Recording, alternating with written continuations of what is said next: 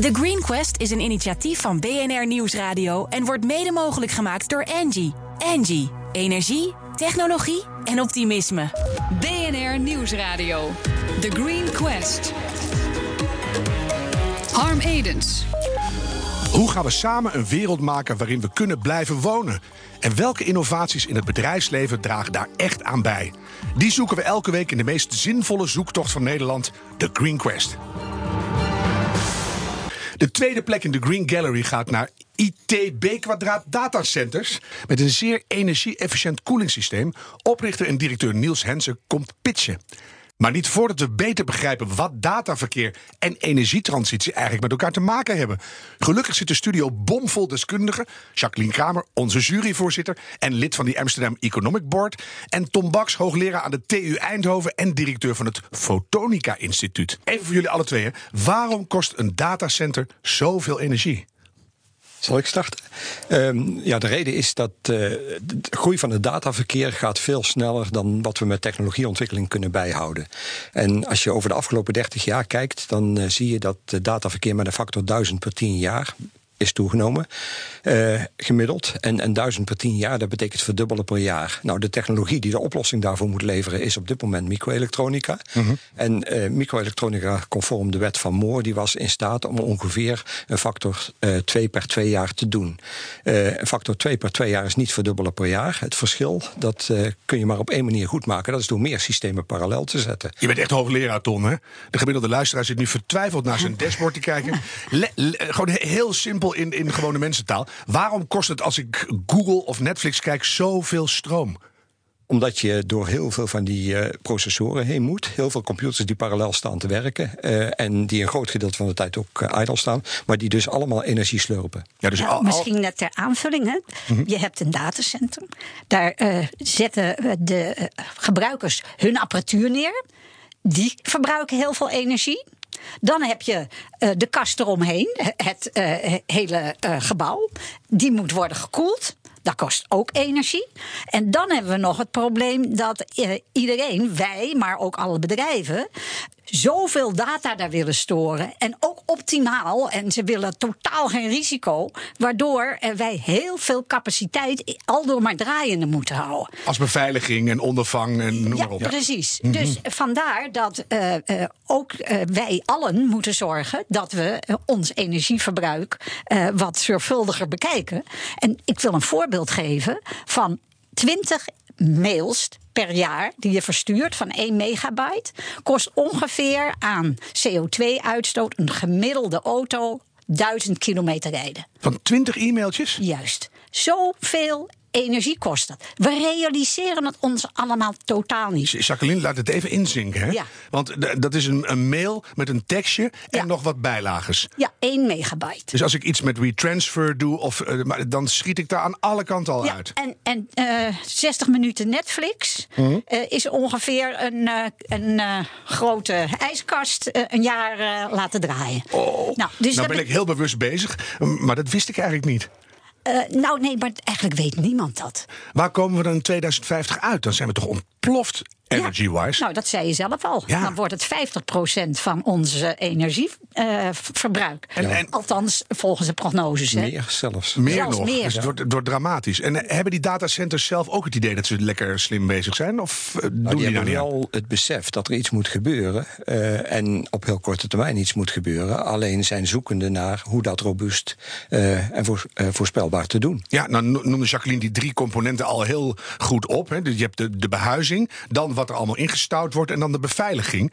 Um, en, en dan, het gebruik. En ja. uiteindelijk het dataverkeer zelf. En dan kom ik bij jou uit, Ton. Want de, waarom kost dat dataverkeer zelf zoveel energie? Dat zijn toch gewoon nulletjes en eentjes? Ja, maar je hebt uh, computers nodig om die eentjes, nulletjes en eentjes te processen. Mm -hmm. En uh, elk berichtje wat je verstuurt, uh, dat is net als met een brief, daar zit een adreslabel op. En elke keer als je dus een sorteerstation passeert, lees een datacenter, mm -hmm. dan moet er weer even gekeken worden, waar is dat berichtje voor bedoeld? Nou, als wij één berichtje versturen, dus bijvoorbeeld een Netflix-film kijken, ja. die wordt opgebouwd uit vele duizenden, tienduizenden berichten. En voor elk bericht moet je die handelingen doen. en bij elkaar betekent dat dus heel veel processorcapaciteit die je nodig hebt. Dus je zit En een, mooie natuurfilm te kijken op Ja. Netflix. En ondertussen zit je de boel te verwoesten. Ja, en het leuke kan ook nog zijn dat je die server waar je die eh, film vandaan haalt, dat die misschien één verdieping hoger staat. Maar eh, dat je hem wel via Amerika bereikt, via al die tussenstations, Ja, dat- eh, om ja. hem hier naartoe te halen. Bij grote universiteiten zie je al dat ze geen e-mailadressen meer geven. Loop gewoon even langs je collega en praat ermee.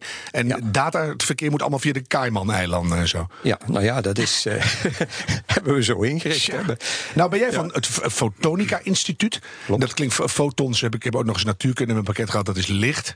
Ja. Eh, de- de- Wat is het voordeel van eh, wat jullie doen? Wat doen jullie eigenlijk en waarom is dat goed? Nou ja, fotonen kun je vergelijken met elektronen. Elektronen, dat zijn, eh, eh, kun je zien als energiepakketjes, als eh, deeltjes waar je informatie mee kunt eh, versturen. Dus je kunt ze als eh, eh, informatiedrager eh, beschouwen. En dat kun je met fotonen ook.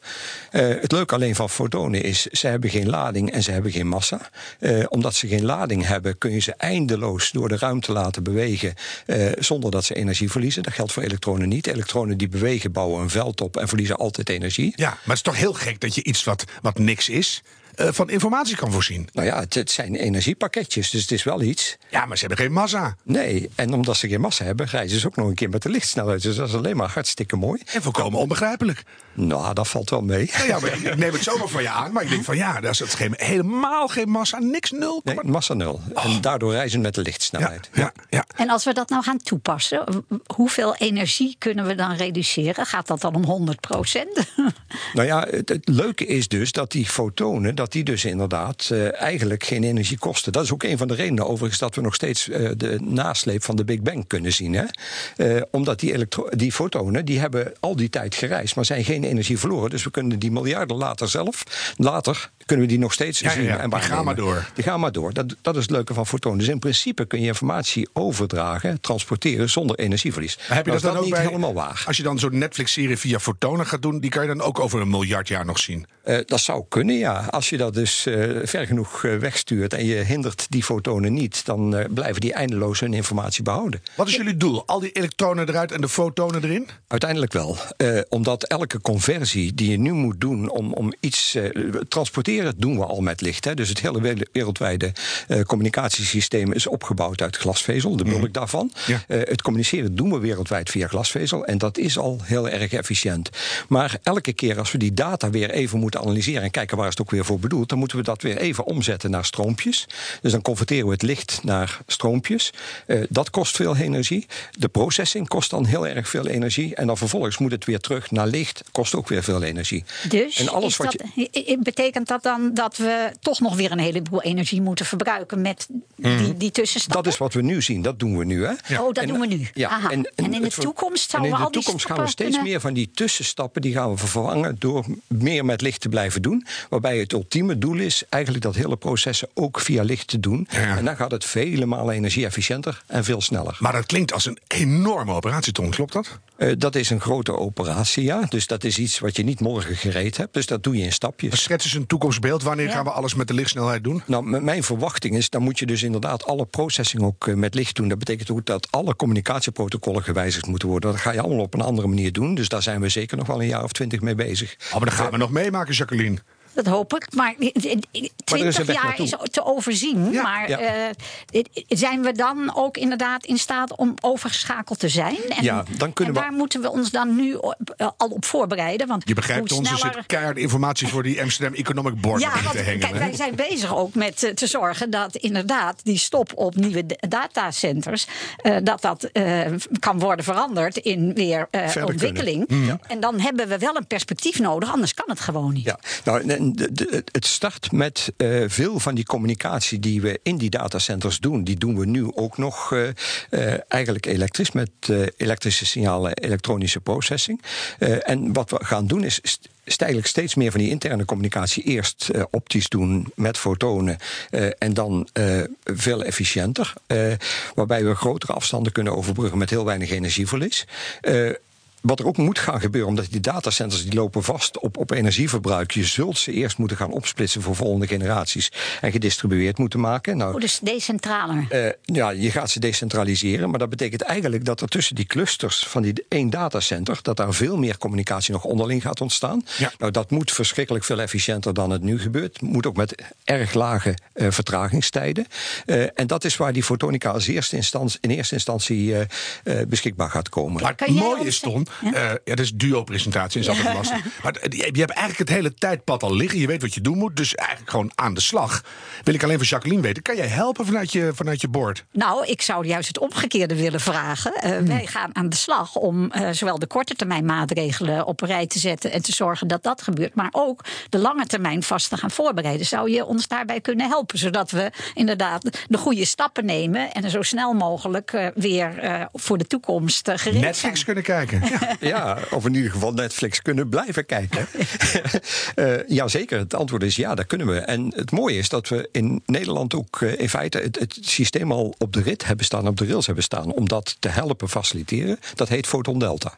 Kijk, Nou, Del- kijk de- dat zo het woord Delta erbij zit, dan heb ik er het volste vertrouwen in. Ik kijk even naar Niels, we gaan het zo over jouw oplossing hebben, Niels. Maar word jij ook blij van wat je hoort? Ja, want je ziet gewoon dat de, de, de communicatie steeds beter wordt. Hè, dus die decentralisatie die kan ook steeds beter plaatsvinden. Van oudsher zijn er altijd datacenters in Amsterdam gehouden. Nou, je ziet dat de techniek steeds beter wordt om het te gaan distribueren over Nederland. En aangezien wij een datacenter zijn wat niet in Amsterdam zit, maar in Apeldoorn, ja, graag. Ook wel eens leuk dat Apeldoorn nu ergens voorop loopt. Hè? Dankjewel, hoogleraar Tom Baks, directeur van het Fotonica Instituut. We verwachten er nu heel veel van. En verbonden aan de TU Eindhoven. Waar de meeste datacenters op safe spelen, durft ITB Kwadraat een innovatie in te voeren die hun energierekening flink naar beneden brengt. Tot zo. BNR Nieuwsradio. The Green Quest.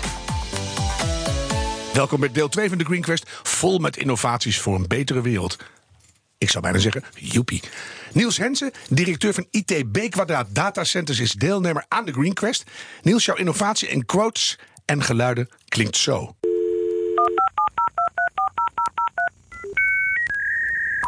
A data center's the brains of the internet. the engine of the internet. It is a giant building with a lot of power, a lot of cooling, and a lot of computers. I think our files got corrupted. What now? Control Z. The ITB2 data center uses indirect adiabatic cooling to reduce energy consumption.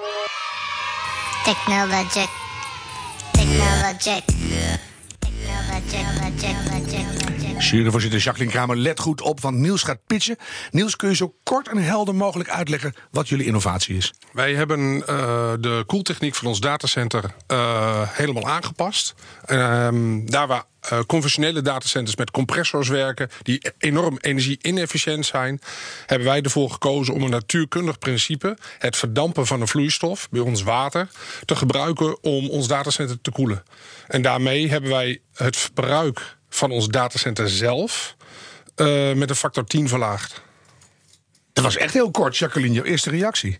Dat is heel mooi. En eh, ik heb ook met interesse eh, gelezen en gehoord wat jullie doen. En eh, er moet natuurlijk niet alleen aan de koeling wat gebeuren, maar ook aan de andere zaken, zoals de apparatuur zelf en ons eigen handelen, hè, dus de gebruiker. Ja, klopt. En, zowel wij als burger, maar ook de bedrijven. Maar ik, ik wilde vragen in de eerste plaats: waarom, als jullie zo'n goede techniek hebben, krijg je dat niet verkocht bij andere Want het is toch een no-brainer als ik het zo hoor. Aan de ene kant ja, het is een no-brainer. Ehm, maar wij zijn maar een hele kleine organisatie. Wij runnen twee datacenters met vier man. En ehm, hebben eigenlijk niet de capaciteit om dit eh, beter voor het voetlicht te brengen. Nou, je bent er aardig mee bezig op dit moment. Dus eh, We maken er ook graag gebruik Ja. van. Maar wat is precies het probleem? Welke risico's zitten er nou aan vast? Ehm, Voor een bedrijf wat denkt: oh, dat klinkt wel eh, heel interessant. Nou, voor datacenters zijn heel conventionele bedrijven die heel erg gericht zijn op standaardprocedures, eh standaardtechnieken. En liever niet eh, enig risico willen lopen eh, bij technieken, bij veranderingen in de techniek. Wij hebben destijds heel bewust die keuze gemaakt en die ook consistent doorgevoerd. En dat betekent ook dat we nog lopend steeds budget beschikbaar hebben om deze techniek goed te ondersteunen en verder te ontwikkelen. En in de praktijk blijkt met nou, afgelopen zomer weer bijna 40 graden eh, dat we het alleen maar eh, beter kunnen koelen als het warmer, wordt, warmer weer wordt. Dus ook in die zin is het toekomstgericht. Als het nog warmere zomers worden, zie je dat het alleen maar een betere techniek is. En Heeft het ook iets te maken met iets heel kinderachtigs? Dat je denkt, al die elektronica en dan water verdampen. Dat wordt kortsluiting. Eh, het zou je kunnen denken. Alleen in een conventioneel datacenter lopen de waterleidingen tot op zaal. Omdat daar zeg maar downflow units staan waar echt koud water naartoe gaan. En bij ons blijft het zelfs helemaal gescheiden van de zaal. Dus bij ons zit het er zelfs nog verder vandaan. Dus het zou eigenlijk voor alle grote datacenters geschikt zijn. Het is voor alle grote datacenters geschikt. Zeker op de, zaal waarop, op de schaal waarop wij het nu toepassen, is het geschikt. Ja, en, en mag ik vragen, de bestaande eh, datacenters, hè? Als die nou om moeten schakelen, hoeveel kost het dat en is het altijd mogelijk? Het is niet altijd mogelijk. Als je nieuw gaat bouwen is het prima mogelijk. Want je hebt namelijk hele grote luchtkanalen nodig. Daar waar conventionele datacenters met waterpijpen werken... eh, kun je, heb je nu grote luchtkanalen nodig. Eh, maar bij nieuwbouw is het eigenlijk altijd eh, toepasbaar. En de techniek wordt... eh, hè, we zijn er natuurlijk al een tijd mee bezig. Je ziet dat die steeds volwassener wordt. Er is nog steeds een hele hoop te doen. Maar de eh, nieuwe datacenters kunnen het absoluut toepassen. Ja, ja. En, en misschien ouder, als je een beetje hip gaat kijken, zou het misschien soms kunnen. Som, dat ligt even aan hoe het gebouw is gemaakt... of ze ruimte genoeg hebben. Ja, Ton, ik ben benieuwd naar jouw reactie. Ja, dit vind ik schitterende ontwikkelingen. Omdat als je kijkt naar het eh, energieverbruik van datacenters, gemiddeld kun je zeggen dat eh, een, doorsnee datacenter een derde van je energieverbruik ligt in koeling. Eh, en als je dat dus efficiënter kunt krijgen, en zeker als je dat een factor eh, 10 efficiënter kunt krijgen, nou. Me dunkt. De Ja, winst. want eh, dat is zo'n woord, hè, factor 10. Hebben jullie meetresultaten en wat is dan een factor 10? Ja, ehm, dan moeten we toch iets, iets even in hoe een datacenter, hoe je daar de efficiëntie van meet. Eh, daar is een zogenaamde PUE-waarde voor. Dat is een Power Usage Efficiency. En als je eh, even voor een gevoel een eh computerhok op een kantoor eh, gebruikt, daar zit er ongeveer een PUE van 3 in. En dat betekent dat er 3 kilowatt uit het net wordt opgenomen om 1 kilowatt IT-last eh, te kunnen voorzien. 1 op 3? 1 op 3. Ja, eigenlijk eh, eh, eh, 3,0 wordt die eigenlijk genoemd. Grote datacenters, ouderwetse datacenters, eh, die zitten nog op een 1,7, 1,8. Modernere datacenters, eh, hier bijvoorbeeld in Amsterdam, moeten al een 1,3 bouwen, anders mogen ze niet eens beginnen. En wij hebben een eh 12 maanden gemiddelde eh, van 1,08. Is bijna gelijk. Eén erin, één eruit. ja. Mooi. Maar die, die, die eh, breuk die wordt ook bepaald door de technologie van de apparatuur. Hè? Nee. Nee, nee, nee, die wordt er niet door, die, die wordt er niet door bepaald. Nou jawel, Ja, ik bedoel, in die breuk zit ook eh, de eh, technologie. Ja, die zit boven de breuk. Ja, dus eh, als je dat nou allebei zou doen, zou je dan niet nog betere prestatie krijgen. Ehm, zeker. Eh, eigenlijk heb je het net heel goed uitgelegd. Er zijn twee eh, grote energiegedeeltes. dat is de apparatuur van de klant. Die vallen buiten ons domein. Daar hebben wij niet direct een invloed op. En eh, aan de andere kant wat wij nodig hebben om die apparatuur goed te laten functioneren. Dus goede koeling enzovoorts. En wij kunnen aan de kant van de koeling en het datacenter het bepalen. Nou, daar hebben wij dus al een factor 10 weten te besparen. En dan komt Ton met zijn En dan fotonen. komt Tom met zijn fotonica eraan zetten en zegt Nou ja. van ik ga boven de, boven de delen, ga ik de boel aanpassen en we gaan gewoon minder verbruiken. minder verbruik. Ja, en dan kijk ik even naar jullie toch, Jacqueline en Ton. Ze- In, in, ook met die fotonen lopen we in Nederland aardig voorop in de wereld. Ehm, met dit erbij, zijn we dan eindelijk weer eens wat hipper dan de Chinezen? Dat zou zomaar kunnen. Maar dat wordt als tijd. we doorpakken. Want die Chinezen die gaan natuurlijk ook door. Die zitten ook niet stil. En dat betekent wel dat we snel moeten schakelen. En hoe erg pak jij door? Eh, nou ja, dat is van eh, een aantal mensen afhankelijk. Die moeten besluiten om middelen die er wel degelijk zijn... om die daadwerkelijk in te zetten. Nou, laten die mensen nu allemaal luisteren op dit moment. Dus eh, zeg even man en paard en wat heb je nodig? Geld uiteindelijk om dingen te doen. En de infrastructuur aanleggen van de ja, daar glasvezel. gaat, daar- nou ja, die glasvezelinfrastructuur die ligt, die ligt er grotendeels. Dus wat je nodig Geld waarvoor en hoeveel? Ja, eh, het geld wat nodig is, is het geld om, om die gerichte ontwikkelingen om die, eh, te doen. En- en wa- wat je vooral ziet, is dat het eh, eh, stagneert in, in eh, de, de hoog risicovolle eh, ontwikkelingen, zeg maar, om kennis van laag technologie readiness level eh, te brengen naar iets wat bedrijven kunnen oppakken en toepassen. Eh, en je ziet dat zich heel veel mensen bemoeien met het uitgeven van het geld daarvoor. En dat duurt dus eindeloos lang. En in China en Amerika zit men Ja, niet stil. Lang leven de dictatuur, zeg ik altijd als het gaat over de nieuwe wereld. Maar ja, hoeveel heb je nodig, Tom? Denk je grofweg? Pak hem Nou ja, er ligt een budget van 250 miljoen hè, voor het Nationaal Plan eh, Geïntegreerde Fotonica, waar we dus mee kunnen schakelen. Maar Klinkt dat als moet belachelijk wel- weinig. Moet wel uitgegeven worden. Ja, maar daar kun je vreselijk mee uitbomen. Oh, dat moet er toch even komen. Maar Jacqueline, goed, op de korte termijn hè, kunnen we dat nog niet gebruiken. En eh, mijn eh, idee is, eh, wat jullie doen, is een stap. Eh, we moeten ook kijken naar die apparatuur zelf. Dat zijn dan de gebruikers van je klanten die, die dat moeten doen. En je hebt ons allen en het dataverkeer. En dan denk ik van ja, als we nou allemaal naar elkaar zitten te kijken, nee, dat moet de ander doen.